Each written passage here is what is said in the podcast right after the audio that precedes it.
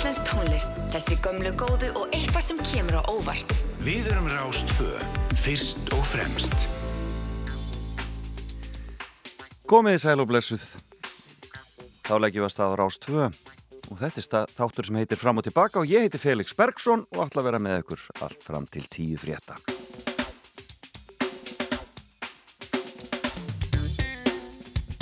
Og nú blæs og regnir að minnst ég hér á söðu vestur hortni landsins e, og e, ég vonaði að hafa það gott sem er annars þar. Ég sé að það er sól, það er sól í kortunum e, að minnst á norð-austurhortninu og ég vona að það gangi eftir og þið fáið góða, góðan dag.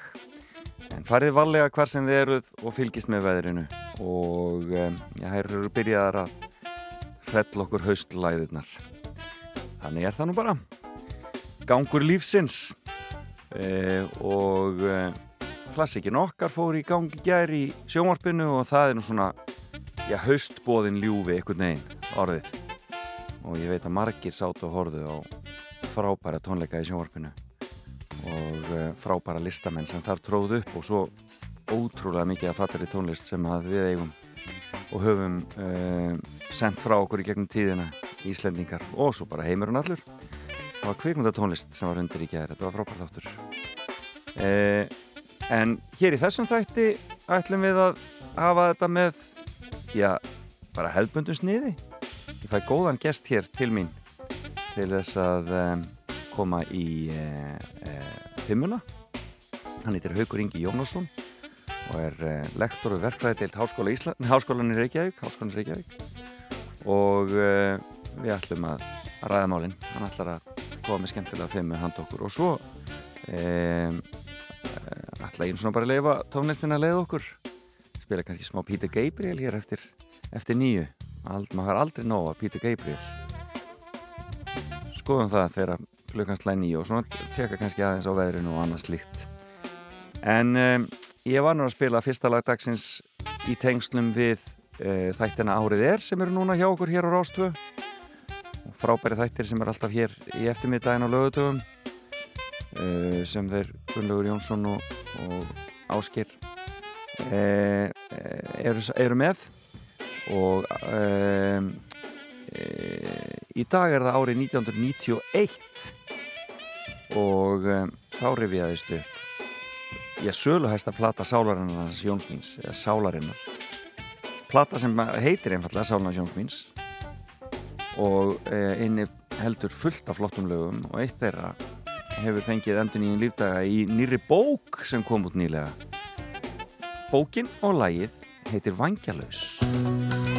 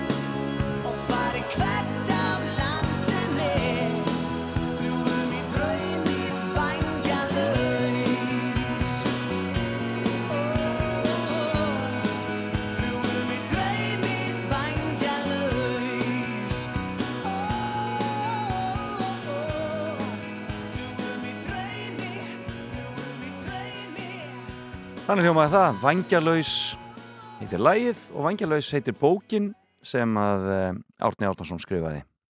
En þetta mun koma við sögu. Já, þeim ásker og gulla í uh, árinu er, já, Sigriði Tólasís, árið er í dag hér á Rástvö. En það var að líða því að gestu dagsinn settist hér á mér Haugur Ingi Jónasson. Uh, fáum eitt lag og svo byrjum við Haugur að rappa. No need to apologize Cause there's nothing to regret. Well, this is not what I wanted.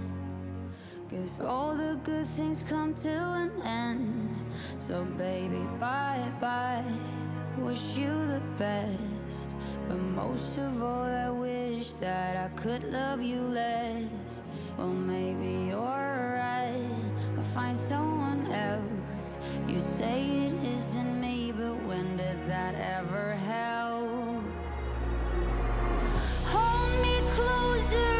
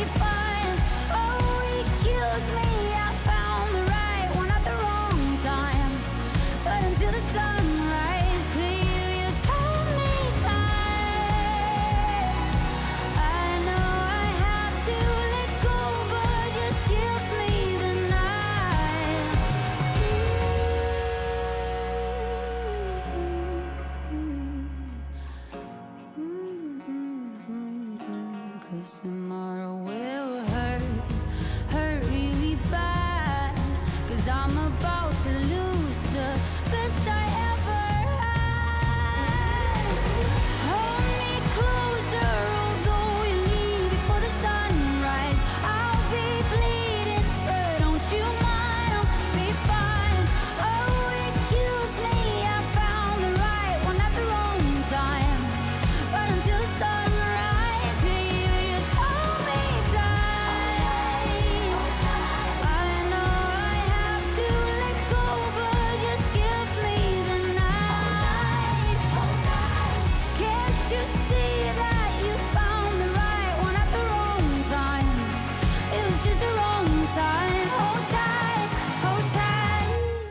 Þannig ljómaði það.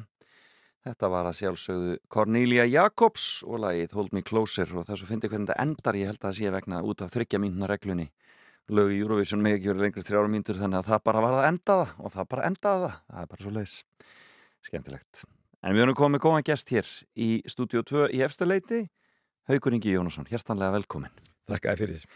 Ég kynni þessum lektor við verkfræðdeild Háskólans í Reykjavík, er það ekki réttur titill? Jú, jú, það er réttu titill. Já, Ég á eftir að segja um framgangi þar að gera það. Ég, ég, er, ég er svo lítið upptekinn að svona dröpu gangi ykkur um en, en uh, ég hef átt að gera fyrir lengur síðan en ja, kannski ég bara gera það í næstu viku. bara fara í málið. Er í málið, já. Hérstanlega velkomin. Nei, mitt. Takk. Eh, fyrst, ég spyrir vennilega viðmældu mína, er, ertu morgun maður? Ertu morgun hani?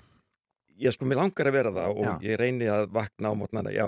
Og ég er aldrei ánaðari heldur en því komin út snemma morguns. Já. En, um, en ég viðkenni það, mér þykir líka gott að sofa. Það er svolítið merkilega góður svefnin gætnan svona þegar maður á að vera að vakna. Já, akkurat. þá er eitthvað svona, það er eitthvað sérstök svona una í, í, í svefninum svona, Nákvæmlega. ég veit ekki alveg hvað þetta er Já, akkurat. finn, það, það væri kannski sniður að svona af, af, af uh, forsjónin að stilla þetta eins og öðruvísi þannig að þetta, þetta gerði svolítið fyrr. Já, þetta eru, þetta eru á, á bíafólki, sko. já, já, Ég heyri það á þér að þú ert aðeins meiri bíamaður, samkvæmt þessu, sko. já. Ég átti nú vinkonu sem að sem að fæ svo gott, gott að finna þetta fin- finna þessa, þennan, þessa unnasemd morgunsvepsins að hún stilti klukkuna á fjögur svo hún geti sko snúsað í til sjö Já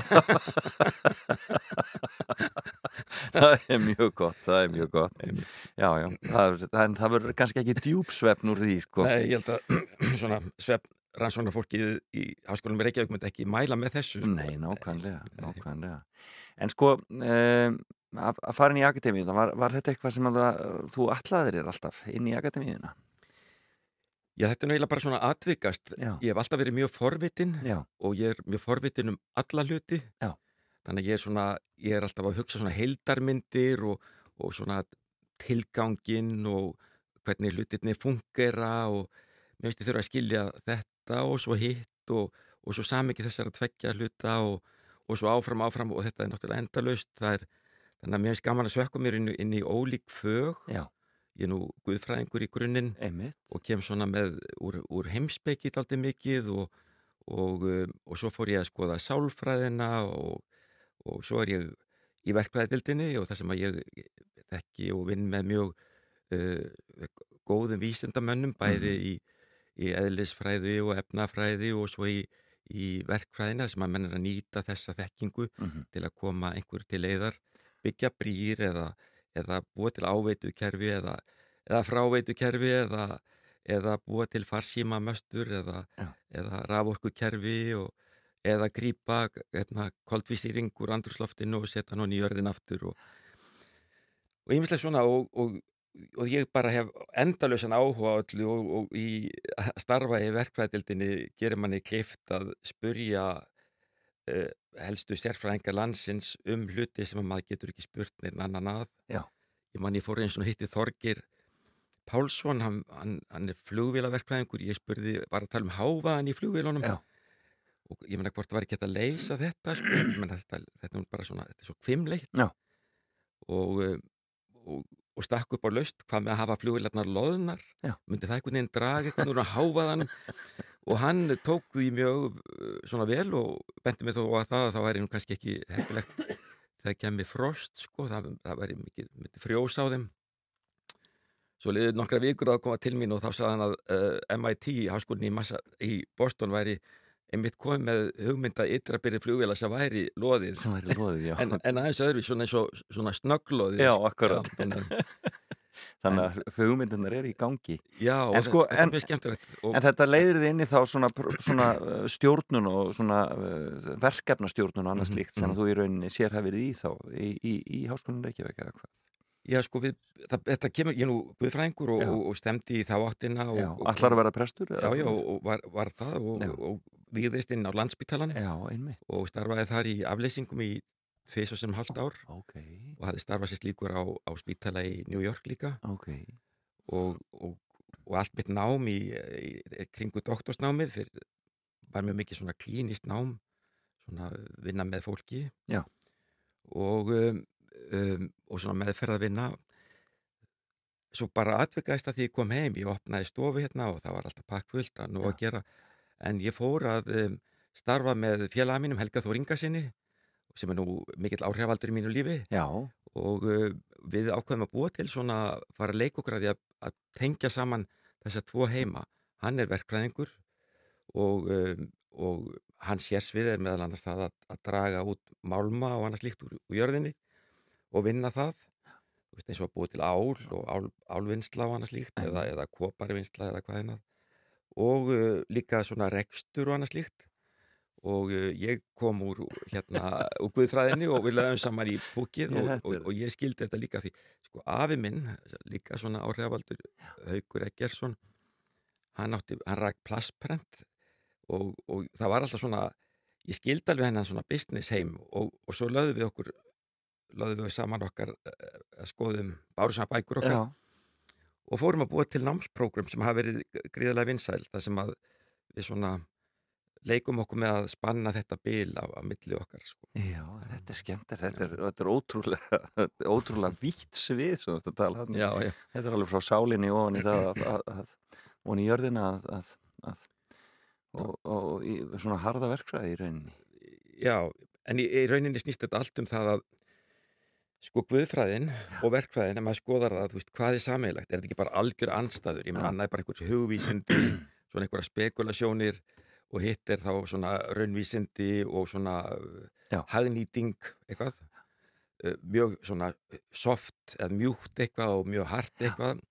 En það er nú alls ekki þannig því að það er sko um, bæði fögin, ef þú myndir skilgreina þau ég sagði, jável þú myndir bara slá inn í chat uh, OpenAI hérna, Já. þá gæti komið eitthvað skilgreining á því að, að, bæði fögin snúst um það að gera heiminn að betri stað til að vera, að betri íveru stað Já, ég skil. og, og þá fellur þetta saman Þetta er skemmtilegt. við erum bara að nota, við, að, við erum að stefnum að því að gera heiminn að betri íveru stað Þetta er dásanlegt. Já, En fimmaðín er uh, víðfem því það eru fimm áhrifavaldar. mm Hvernig, hvernig, hvernig allar lektorinn að brjóta þetta niður? Já það er nú emitt, þetta er eiginlega svona kennslufræðilegt Já, hvar, hvar myndur þú byrja? Hver Ég hugsi við byrjum nú bara á byrjuninni. Já, Mér langar að byrja á nefna fyrsta áhrifaldin í mínu lífi sem er uh, móðir mín, já, Ágústa Haugstóttir. já, Um, hún er svo sem að færi mig í fangi fyrst 9. ágúst 1966 já, og þarf að, að umbera mig í, í sínu faðmi. Já, og ekki nóma það heldur þarf hún að kenna mér að umbera mig. Og, uh, og þetta samband kvítvóðungsins og, og móðurinnar er, er margslungið og, og, og viðkvæmt. Og, og um, ég held að henni hafi tekist bærilega til með þetta allt saman. Og við hérna höfum átt alla tíð mjög gott samband.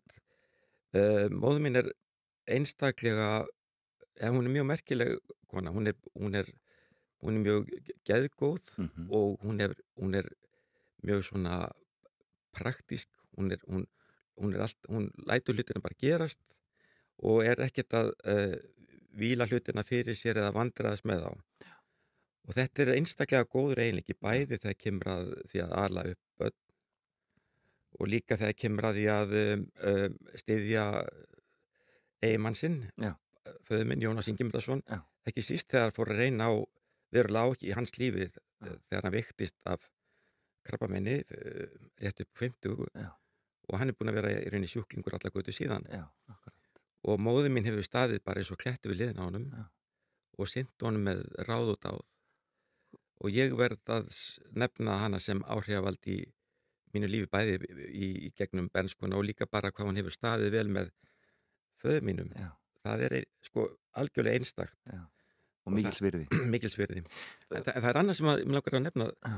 sko ég hugsa að, að þessi áhuga á, svona, á hugsuninni og á svona fræðunum og hafi líka komið svolítið frá henni því að hún var alltaf tilbúin að ræða við mig um, um hvaðina og við hefum margan skemmtilegar svona allar þína skrítnu hugmyndir fengu, fengu, fengu hljómgrunn Já. og voru rættar ég man eftir ég kom einu sinni heim úr rökfræði tíma í háskólanum Já. var mjög upprifin þetta fyrst í tímin Já. og ég segi, mamma, veistu það að sko allt er það sem það er og hún segi, nú hvernig þá hún var að strauja sko. Ég menna þú veist, annarkvort er AA eða A er ekki A því að ef að A er ekki A þá er það ekki lengur A, þá er orðið B Já. svona grunnsetning í rökfræði einmitt.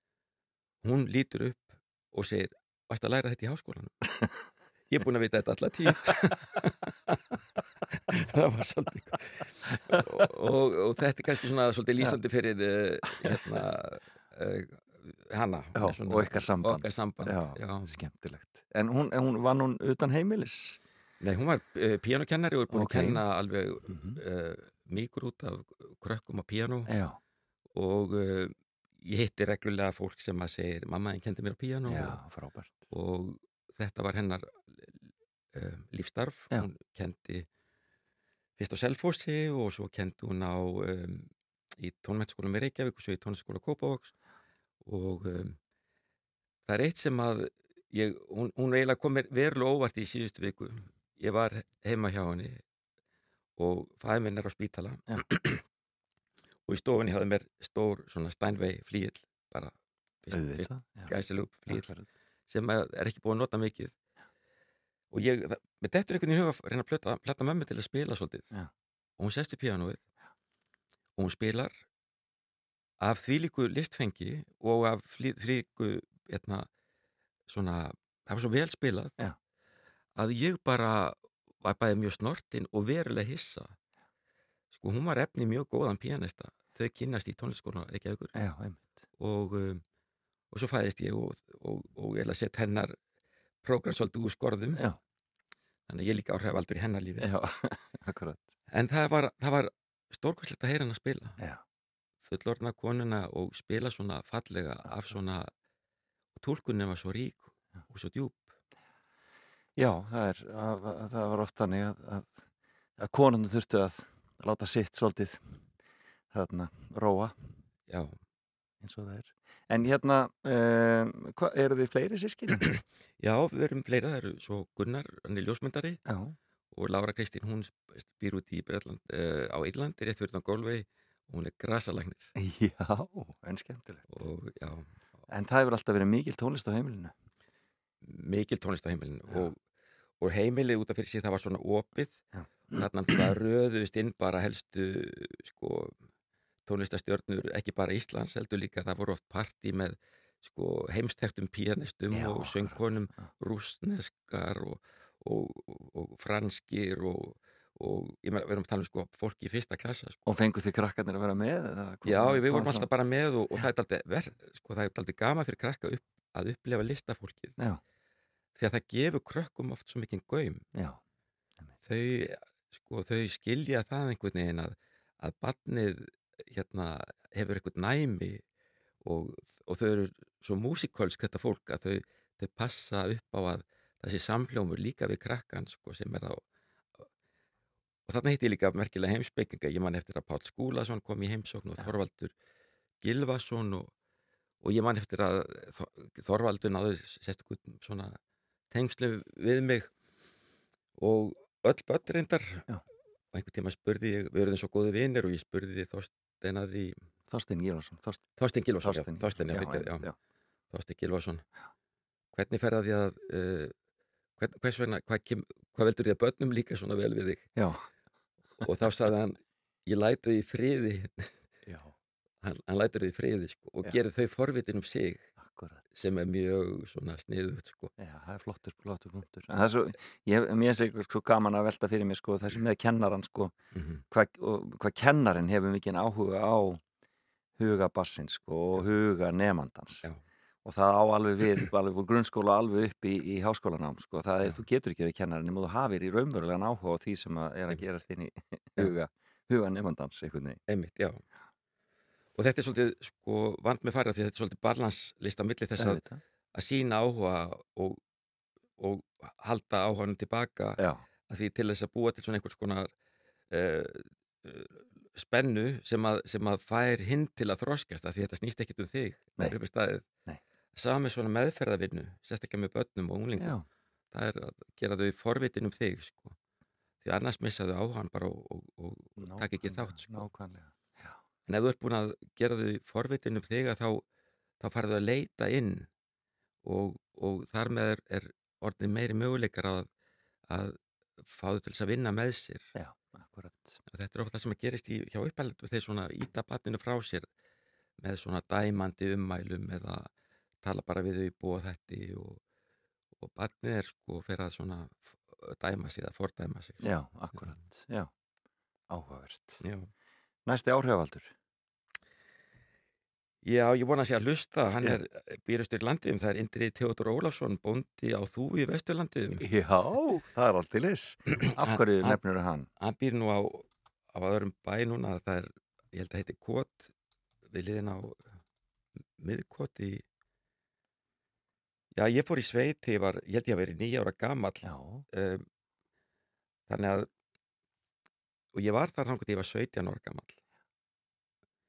ég öll sumur. öll sumur og svo fór ég að fara fyrir heim úr skólanum, eða fara fyrir úr skólanum, taka prófin fyrir, þetta mætt fyrir og maður fór beint í það að, að bera á sko að, og maður, ég man að maður var sko bara ennþá lítill Já. ég veit ekki hvað 13-14 ára þá var maður að taka ábyrðapókana og skera á pókana og bera á túnin og, Já. Og gegst upp úr því að taka móti kannski 800 semenspókum 50 kíló ég var í bíkó í gæri, ég þurfti að kaupa svona hraðsteipu og kefti 25 kíló póka og ég var ég þurfti að passa upp bakið á mér. Já, akkurat. Þú hafði ekki áhyggjur af þessu með 50 kíló hann á Nei. sín tíma. Nei, nei, nei, nei, nei. Og, og það var sko kapplaup hjá vinnumannunum sko að hvor væri henni sá sem að tæki leiðandi stöðu gagvart bílstjóranum á kaupfélagsbílnum sko, ég er sá sem að tek við þessum 800 semenspókum Já. svo er þessi hérna bara til aðstóða Já, við vorum viss. Þannig að þú hefur, já, af hverju ferð að fara þarna? Já, hérna. það er nú kannski góð spurning ég ætti nú kannski að kannski þótti mömmu nóg um þetta ég kannski, ég talaði alltaf mikið og, og svona kannski var ákveðið bara að reyna að finna eitthvað svona annað átlegt fyrir það allt saman. Eða skipta inn á, Já. það væri bara of mikið. Já. bara sendum strákin í sveit. Einmitt. Og þá, og þá er það bara 2-3 mánuður eða hvað? já, já, já, það var það sko. Ég maður þegar ég kom í landiðarnir fyrst þá var grænandi rigning og hérna. En þar lendi í höndunum á, á indislegu fólki, Indriða Theodori og Ólafsinni og, og Jónu. Og um, og um, og þau, ég held að það var nú verið bara með fátæk þegar ég kom að það fyrst Já. ég, ég man að, að vélarna voru gamlar og, og húsið var gamalt og, og, en á þessum tíma sem að ég var þarna, þá, þá fer fram mjög mikil uppbygging á bænum Já. þannig að maður læriði mjög mikið um að hvernig þetta byggja hús og hvernig þetta hérna, vinna ný lönd og, búa til uh, rektanleg lönd og, og, og ég menn það er með ólíkitu hvað maður fekk að upplifa sem krakki Já. Keira þessi tæki og, og rafsjóða og, og mjólka kýr og, og ég veit ekki hvað og hvað eins og handmjólkaði 30 kýr Já. bilaði mjöltavélinn og við vorum tveir að handmjölka 30 kýr það vil ég nú engum manni að þurfa að lendi því Þú eru góða sinnaskeiða bólka eftir það. ég gæti ekki, ég reist á mér daginn Nei, eftir já, Ég trúi því. En hefur, hefur þetta orðið til þess að þú heldur svona tengsluðinu við náttúruna og ertu mikill náttúru maður? já, ég hef alltaf verið það og, og lagt mig fram um að já, ég fór mikið í svona, um, þegar ég var já, mamma enn og aftur, hún fór svolítið með mig á, í fjallgöngur með ferðarfélag Íslands Ok. það var mjög inspírerandi sem að var til þess að ég let uh, hérna, tryði það að dótti mín myndi upplifa eitthvað svipað ég let hann að ganga með mig laugavegin þegar hún var 8 ára Já. og 5 ára álsinn þegar hún var 8 ára líka Já. og uh, bara að upplifa náttúruna með, með börnum er stórkoslegt. Og þau getið þetta alveg. og þau getið þetta alveg og líka, já, þannig að ég ég fór í Íslenski Alpaklúbin á sín tíma og svo var ég mjög mikið á fjöllum allar, allar götur Já. og svo þegar á gamasaldri þrját, ja, réttu færtur þá fór ég í flugbjörgunarsveitin í Reykjavík Já. að því félagi minn Magnús Viðar ég hafði alltaf haldið að ég væri betri fjallamæður en hann Já. svo var hann orðið bara miklu betri en ég og ég spurði hverju, hverju sætir Já. og þá, uh, þá hafði hann farið í skemmtilegt. og ég hugsa með mig, ég verð nú að ég ætla ekki að láta slá mig út með þessu Nei. og, um, og um, en svo er hann búin að er, hann náttúrulega ennþá betri en ég Já, akkurat í, í, í fjallgöngunum. Heyrðu, þriðið áhrifaldur. já það er nú bara kemur allt annar átt það er William af Baskerville Hvorki meira en minna. og það er reyndar ekki já það, það er persóna úr, úr bók Já. og uh, hann er sem sagt hann er sá sem að Sean Connery leikur í, í, í kvikmyndinni nafn Rósarinnar Einmitt.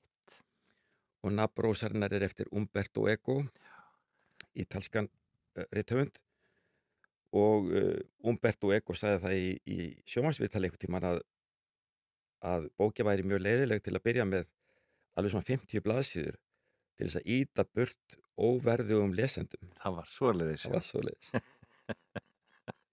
En hvort lastu bókina fyrst eða sást myndina? Ég las bókina fyrst Já. og hún hafði gríðilega áhrif með þetta er satt fjallar um ungan strák Já.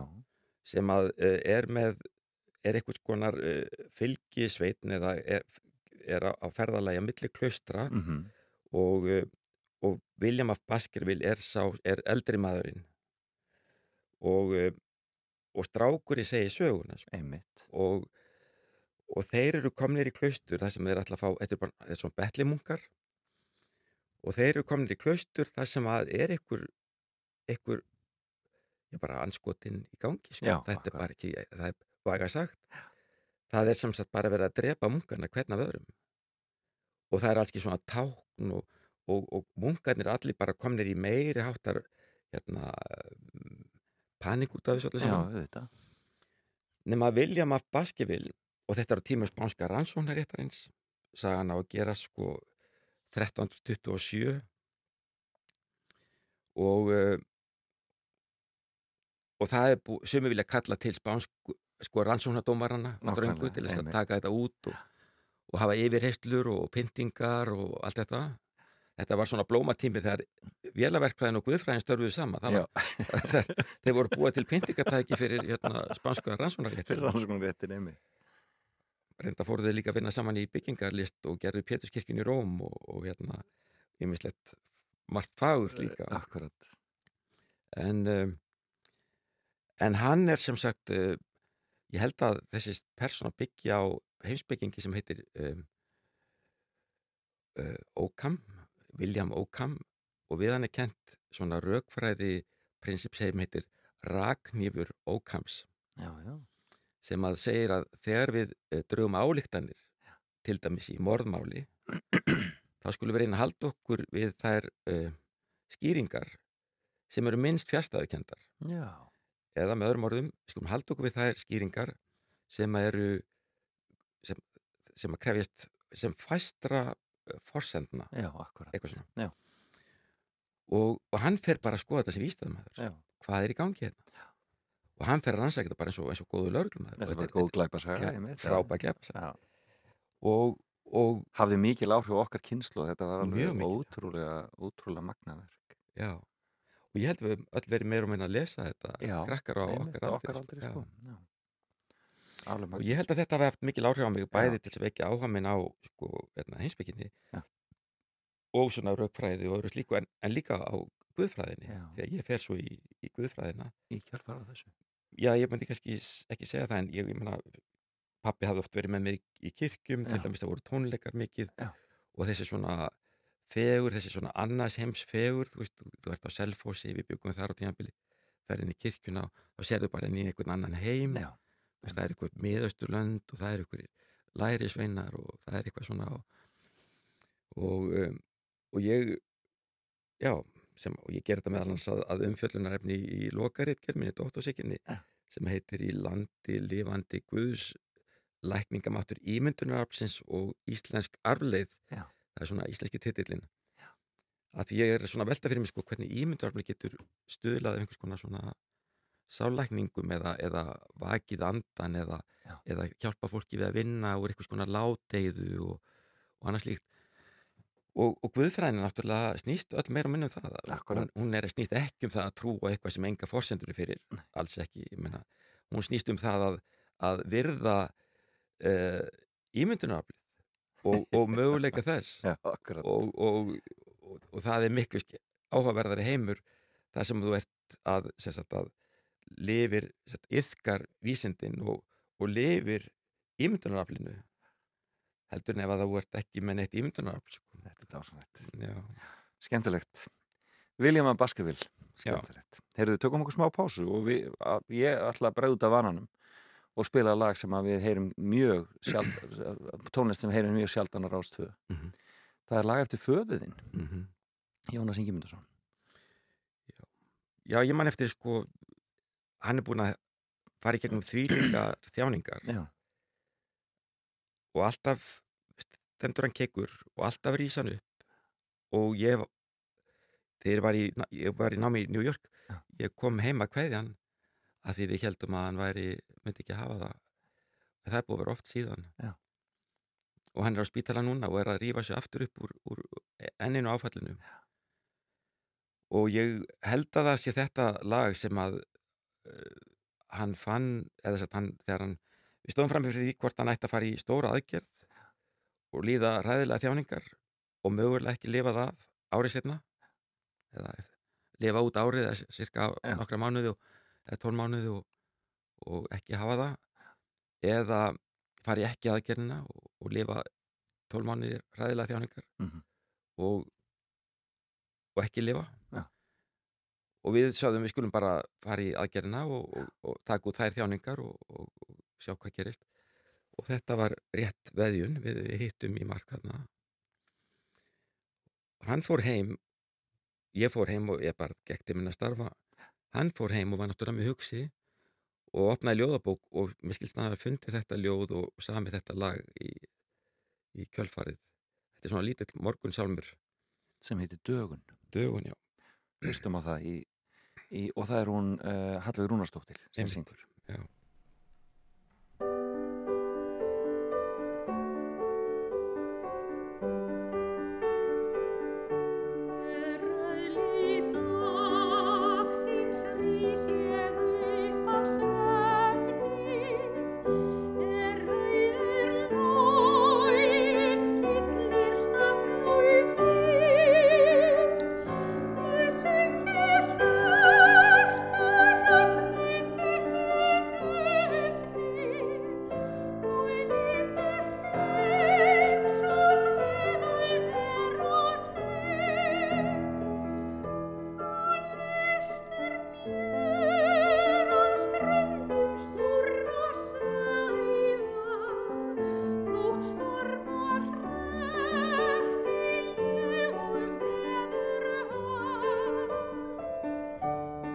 Þín sorg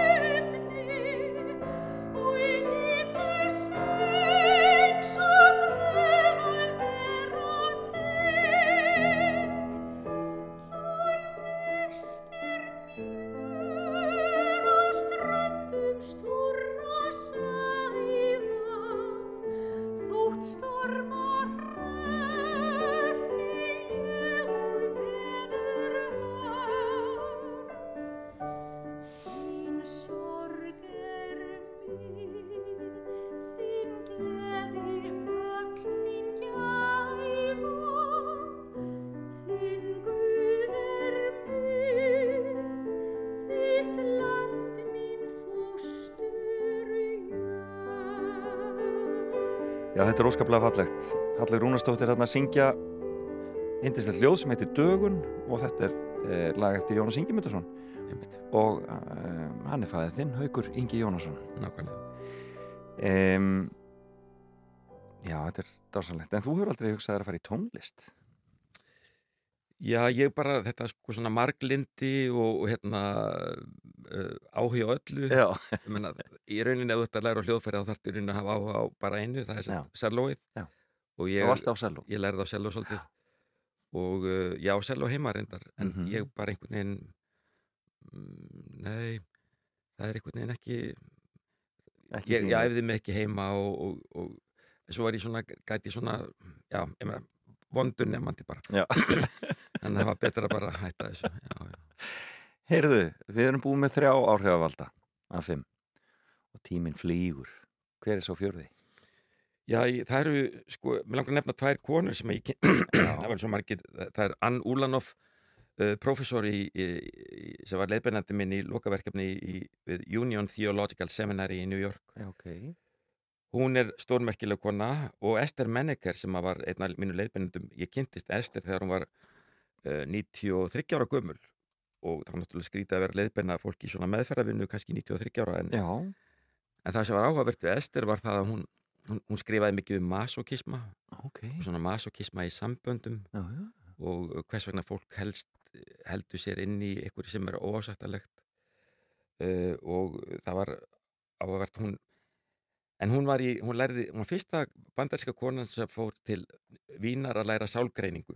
Og það er bara eh, rétt eftir Freud bara hreinlega? Já, hún bara fó- fór og var í Vínaborg og var í sálgreiningu hjá Önnu Freud, dóttur Freud, Sigmundar og þau deildu rými, og hann var lifandi þá hann var lifandi, já, já, og hún var svo fullorðin, sko, hún er, hún er sko fætt, já, hún var bara um 25 ára gömul þarna, eða tví- eða 20, þegar En hún magnað. og hún skrifaði bók sem heitir Appointment in Vienna Já. þar sem hún lýsir uh, vinnu sinni með Önnu Freud og hún hataði hana það var bara svo algjörlega hún sað, og það sem ég held að hafi gerst er þá annars vegar kemur þarna svona mjög frjálslindur gýðingur mm -hmm.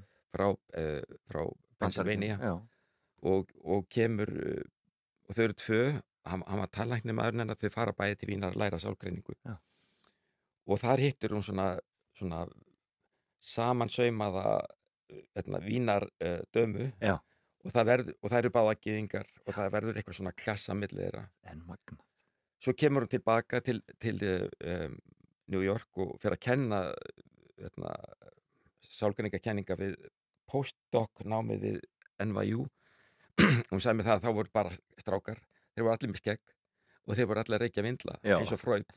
Þetta er svo fyndi hvernig fólk er. En, en það var mjög gaman að upplifa hana hún, hún var alveg óheila velgefin. Og misti ekki á neinu aldrei. Nei. Og uh, það sama verið að segja um Ann Úlanoff sem að uh, var alveg stórmerkileg kona og ég á eina mjög sterka minningu af henni, hún náttúrulega liðbendi mér og kendi mér mjög margt ég held að sjálf óheila flinkur hérna þerapisti Mhm. um, og um, ég man eftir einu sinni að hún misti manni sinn, Barry Úlanoff sem að uh, skrifaði með hans æfisjú Duke Ellingtons, þeir voru mjög góði vinnir og var með tímarit í, í Harlem um jazz. Hún missir hann, hann var alltaf mikið eldri en hún. Og ég man eftir einu atviki þar sem að og ég var að læra svona sál, sálusorgun og Já. meðferðavinnu á, á Lennox Hill Hospital og, og hjá The Harlem Family Institute. Að ég kem að henni út í gardi þar sem hún er greinlega sirkja Barry. Já. og hún segir við mig sestu hérna hjá mér haukur og ég geri það. Og það var svo flott hvað hún gerði svo bara nota hún mig sem sko svona sálusorgar sem já, akkurat. Og, og gaf mér tækifæri til þess og, og, og nýtti sér það líka. Og ég menna ekkert markarleysi eða neitt þannig að bara það var svo elegant. Það síndi svo mikla svona mennsku af hennar hálfu. Já. og um, að því yfirleitt voru við sko í mjög svona stífu sko hún var að berja betur, já. hún var að hendi með ykkur og fella mig á prófum og, og það bara gekk á ymsu og, og hérna ég tók eitt nýju klukktíma próf já, einmitt í kenningum Sigmundar Freuds og í fjall- fjallaprófinu Já. það tók, tók mig nýju mánuði að lesa þetta þetta enn, já, sem er náttúrulega það var eiginlega efni í annað þátt. Já, akkurat. En svo var merkilegt þegar eftir að ég, ég, ver, ég búin að útskrifast með dóttarsnámið þá býðurum við út að borða á ítölskum matsölustað og, og við sittum bara saman og vorum að spjalla og þá tekur hún allt í einu brauðið svona já. brýtur það í helmingu rétti með helmingin að því og ég svona, ok, allt ekki svert og svo erum við bara rétt af því að tekur hún allt í einu bara glasi mitt, vinglasi mitt já. og rauðvín tekur sopaði og rétti mér. Og segir ekki neitt og maður er alltaf óveinlegt, eða ekki? já, mjög skrítið En þetta er náttúrulega bara altarissakramenti. já, akkurat Hún tók mig til altaris, Já. bara svona Bara á veitingastæðinu á veitingastæðum. og, uh, og þá fatta ég, að ok, við erum komin bara í sama lið. Já. Og þetta, hún er Nú þessu við námi dús, búið, já. við erum dús og, og, og ég átti síðan, ég bauði henni til Íslands síðan hún flutti frábært erindi hérna.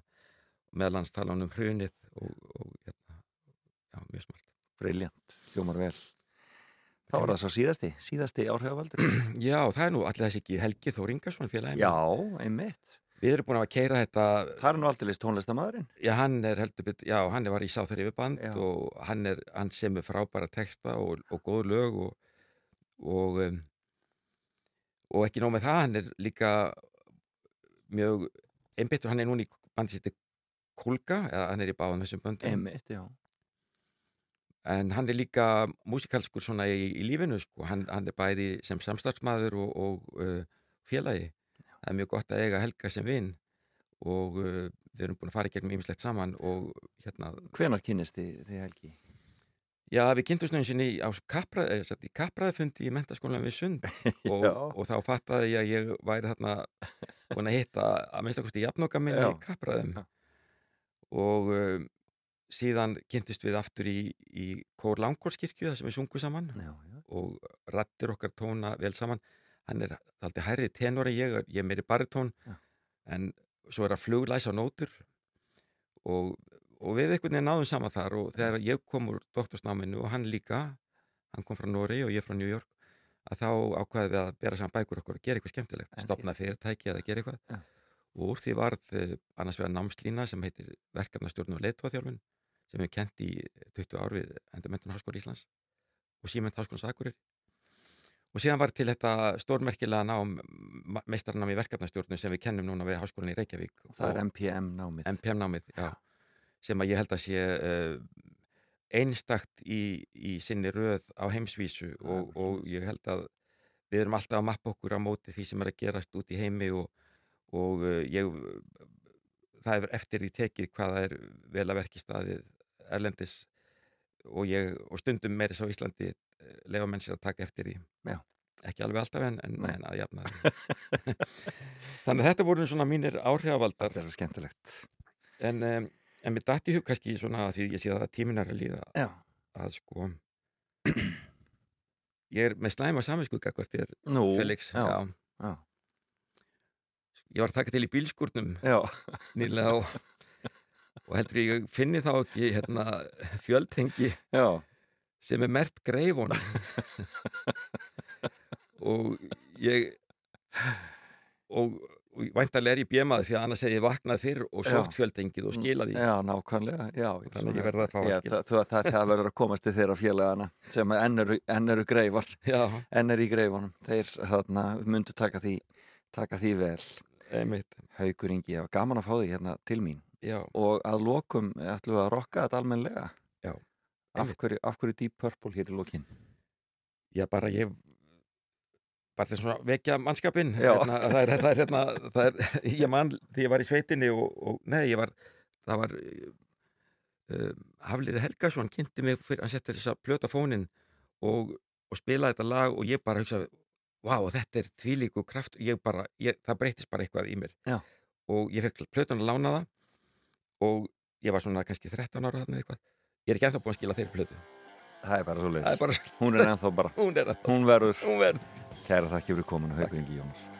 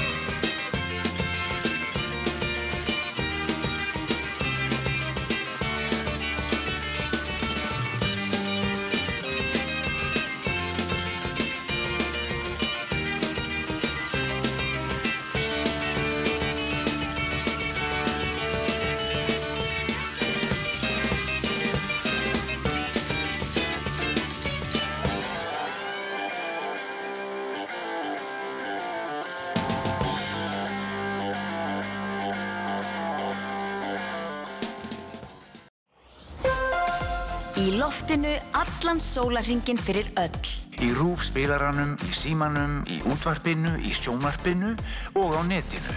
Við erum Rástfö. Fyrst og fremst.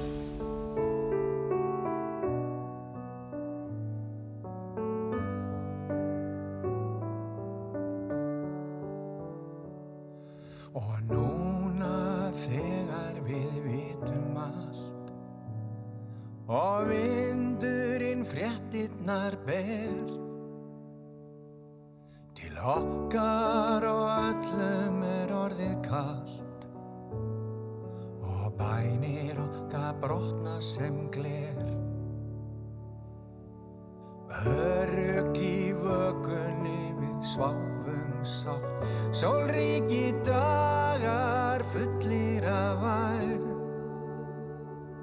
En frá himni fjell hinn svarta nátt. Stormin í fangið óvænt þú fær.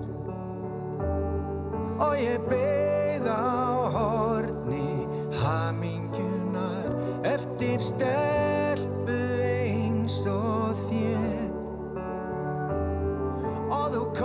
komst úr fangi sorgarinnar.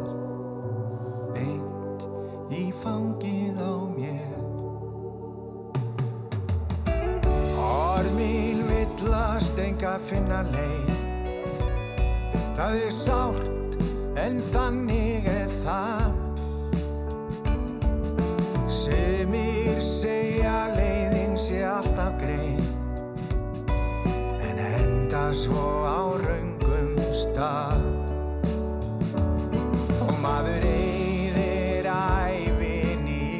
það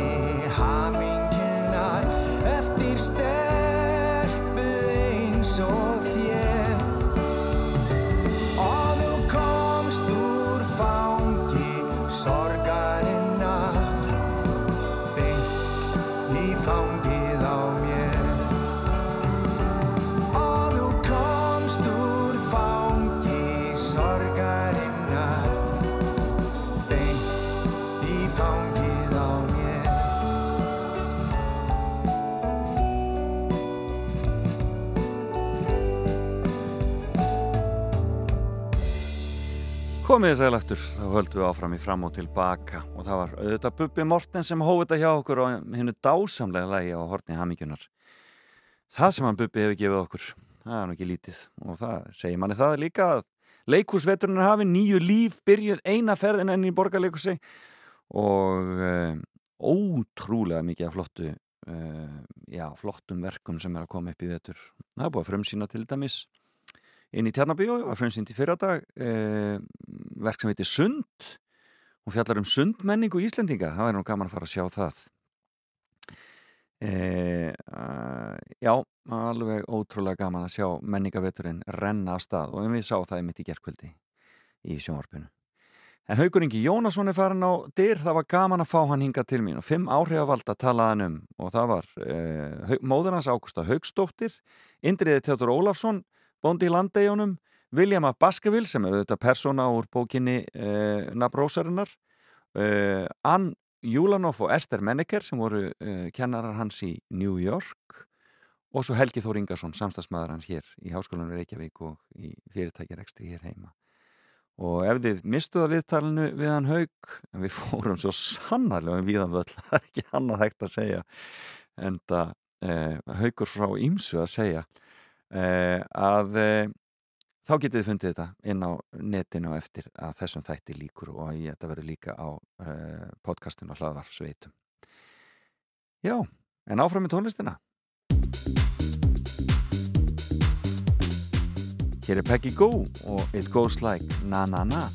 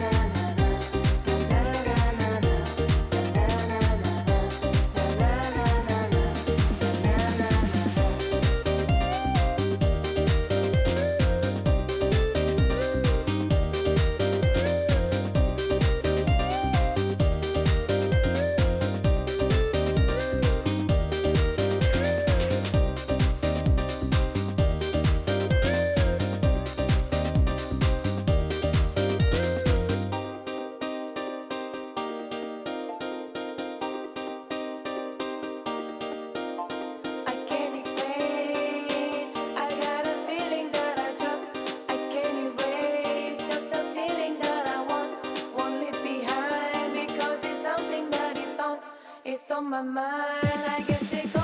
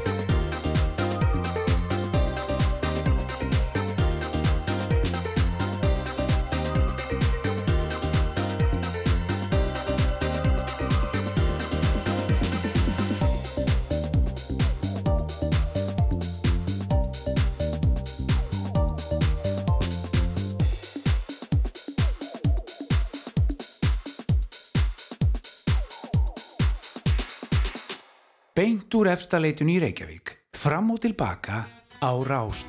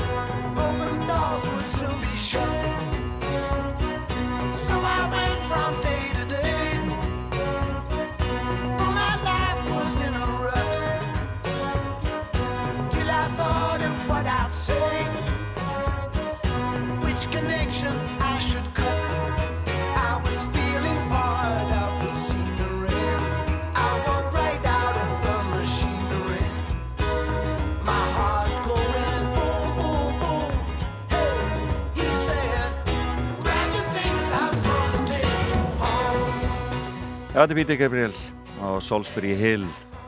Og þetta er svona lagið sem að eh, já, skaut honum að staðinn í soloferilinn eh, árið 1975 þetta er svona lagið sem að já, verður eh, stór, fyrsti stóri smellurinn. Og eh, eh, hann hafði náttúrulega verið söngvarinn í Genesis fram að þeim tíma, fættu 1950 og þannig að hann var 25 ára þarna þegar hann byrjar sinn soloferil en fram að því hafði hann verið frá 67 til 75 í Genesis. Og vakið mikla aðtekli, sérstaklega fyrir svona já, mjög svona leikúslega framkomu og svona uh, hrikalega flottur listamæður en hann var solo uh, hann var sololistamæður og vildi fara solo og uh, hefur náttúrulega átt stórkostlegan feril Peter Gabriel og er búinn að vera á ferðinni núna og spila víða um heim og margir hafa verið að fara á tónleika hjá hann og segja að hann hefði einhver glemt langaði bara að heyra aðeins nokkur Peter Gabriel lög svona bara að að það er bara svo leiðist dagur. Og um, e, hann var byrjar að mjög fljótlega að skoða svona e, tónlist annar staða frá heldur en bara hinnum ennskumælandi heimi e, afríska rithma og annað slíkt og náttúrulega var mikill baráttumadur gegn uh, aðskilnaðastefnunni í Suður Afríku uh, og lagið hans fræga Biko er einmitt uh, hluti af þeirri baráttu. En á sömu plötu var þetta stórkostlega lag. Þetta var á 1980 ógeðslega flott sound á þessu og vel gert. Games Without Frontiers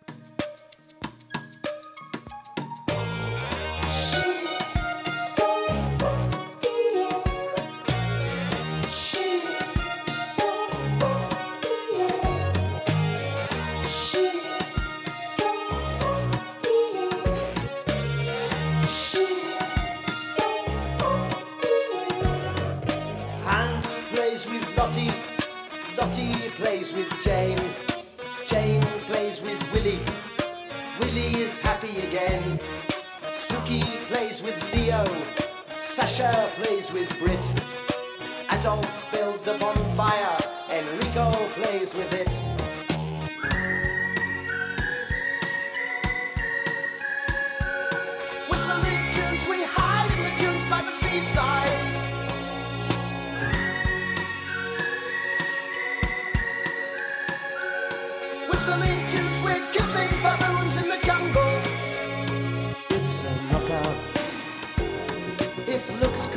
They probably will. In games without frontiers, war without tears.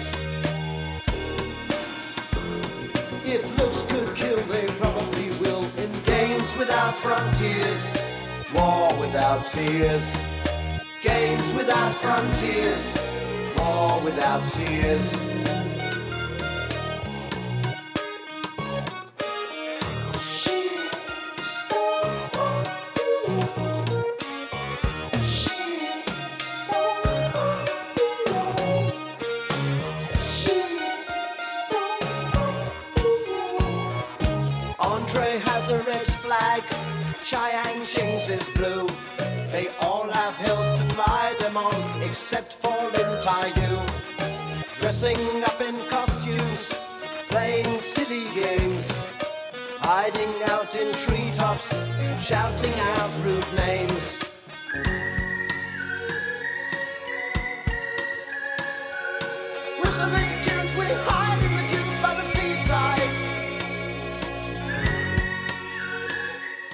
Games Without Frontiers War Without Tears. Þetta er algjörlega briljant Peter Gabriel hérna í fanta formi árið 1980 En uh, já, hann var mjög virkur þarna á þessum tíma, Peter Gabriel og um, árið 1985 byrjar hann að vinna að plötu sem að verður hans uh, lang sögulega plata, uh, plata sem heitir So og uh, átti eftir að uh, seljast yfir 5 miljónum eintaka bara í bandaríkjónum uh, en seldist gríðilega vel annar staða líka.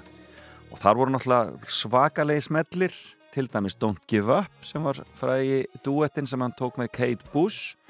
Big Time var líka heilmikill smellur uh, gekk vel. Og uh, uh, svo var það þetta þetta hér. Þetta er nú bara lag ákveðina kynnslóða The Sledgehammer og það var ekki síst myndbandið sem átti eftir að vekja svo mikla aðtikli munið það svona klippi myndband maður aldrei séð svona áður. Algjör snild. Hlustum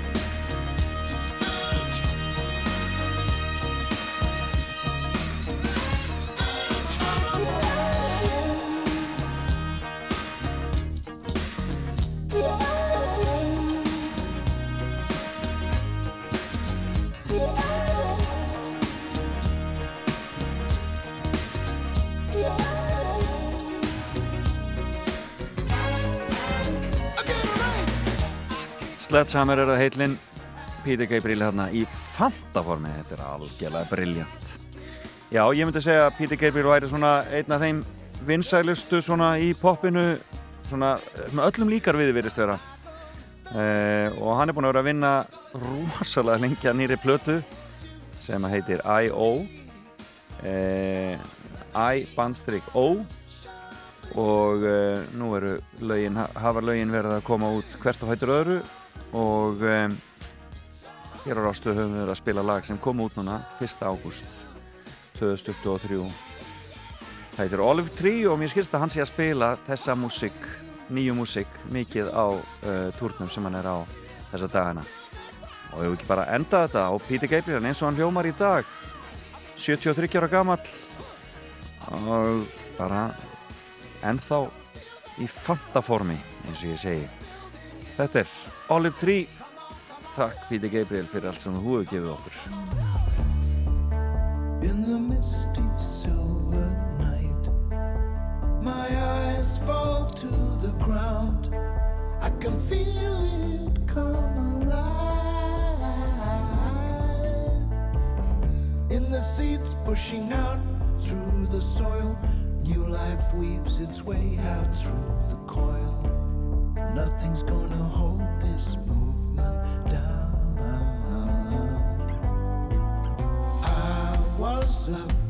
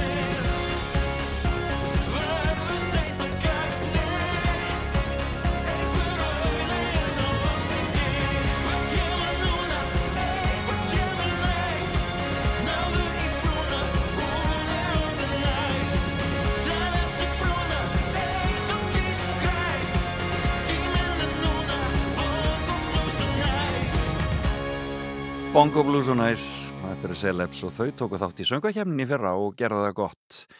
E, og það minnir á að það er byrjað að taka á móti lögum í söngakefninni 2024. Það er hægt að senda inn lög núna til 10. september þannig að nú bara er að drífa sig að rífa lögin upp úr skúfonum eða úr heilabúinu og koma þeim á band og senda til okkar hér á rúf. Öllum gefst kostur að senda inn lög og valnefnd skipu fulltrúum FTTFIH og RÚF gefur umsögn um þau og einnig verður leita til reyndra og vinsalla lagahöfundum að semja lög fyrir keppnina og RÚF hvetur alla laga- og textahöfunda landsins til að senda inn lög og halda þannig áfram að móta tónlistasögu Íslands. Því söngakeppni snýst um fjölg breytni og allar tónlistategundir eru velkomnar. Og umsóknarfrestur sem rennur út 10. september. Þetta, þetta er hægt að skoða allt saman inni á söngakeppnin.is og bara endilega vera með, vera með Borganróði og stjörnurík Rósa ilmur og augnablík Lesi eigin þín ljósblöð. Og leifið þér að horfa á. Dagur kemur, dagur fer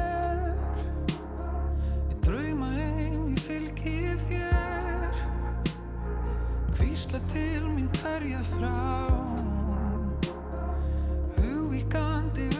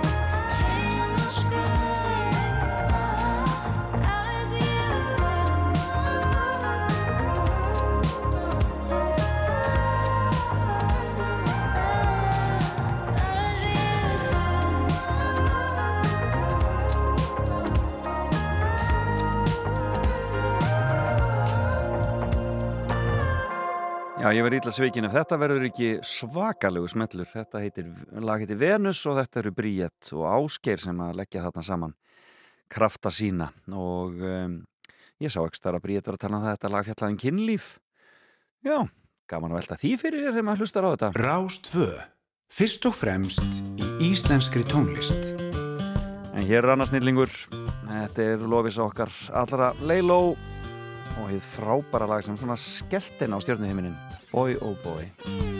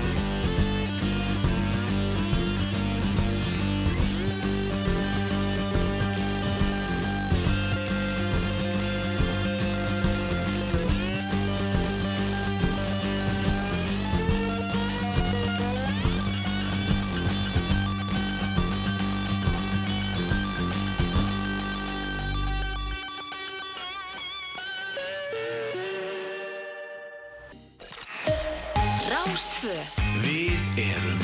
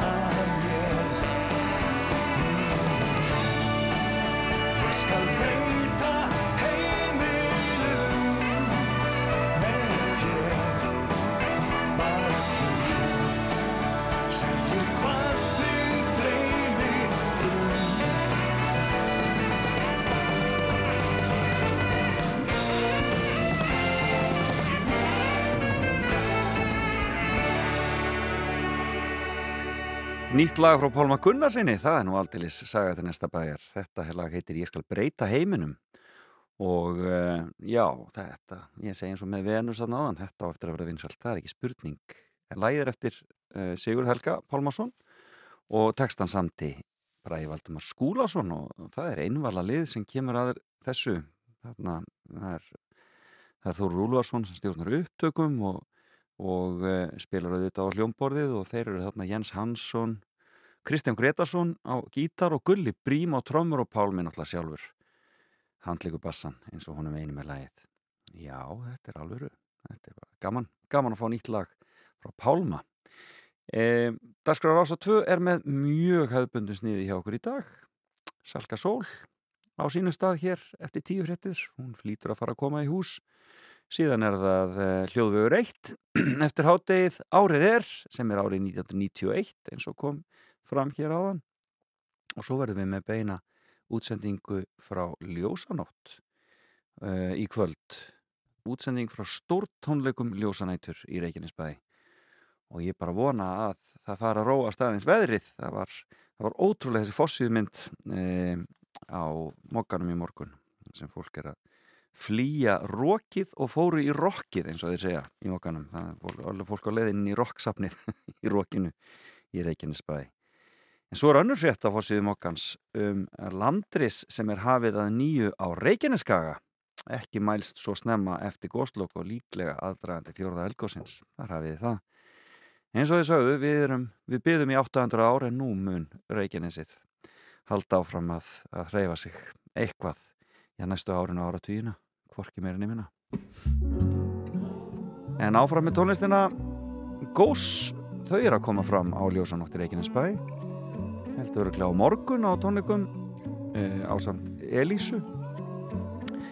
En uh, hér eru kossar ánum vara. Frábær útgáfa. Það snjóar hérna úti og garðurinn hann gránar.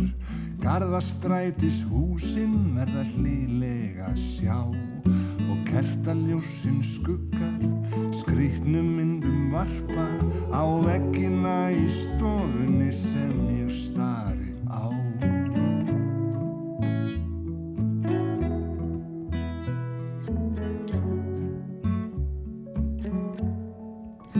Og myndirnar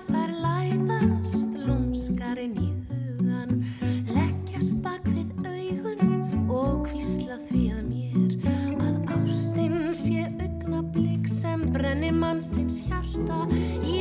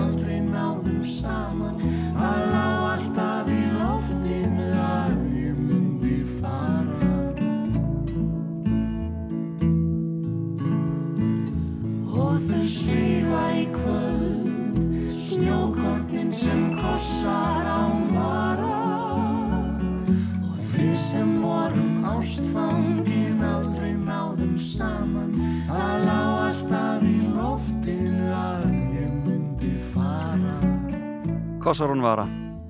Þetta er búið hjá mér í dag. Og var að dásanalt að sitja með ykkur eins og alltaf hér í fram og tilbaka og ég verð hér aftur eftir viku að vísu þá frá Berlín. En ætla sannarlega að vera með ykkur. Og fæ þá góða gesti ég þakka Hauki Inga Jónasinni fyrir að koma til mín í dag. Frábær gestur þar á ferðinni og þið getið fundið þáttinn á netinu strax eftir þátt. Endum við dögnu torfa Salkasól tekur við. Felix Bergson hveður, bless bless. Viltu lyfta mér upp? Viltu leiða mig í gegnum þetta allt? Ég vil hlaupa hratt og vil ekki gera það einn. Ég vil ekki vera einn. Viltu öskra með mér út í myrkrið? Viltu dansa hér látt fram á nótt? Grænja svo hlátri Enginn skilur neitt. Viltu svara mér þegar ég ringi? Viltu hlusta mig tala? Í ringi svo lengi að við sopnum og leysum ekki neitt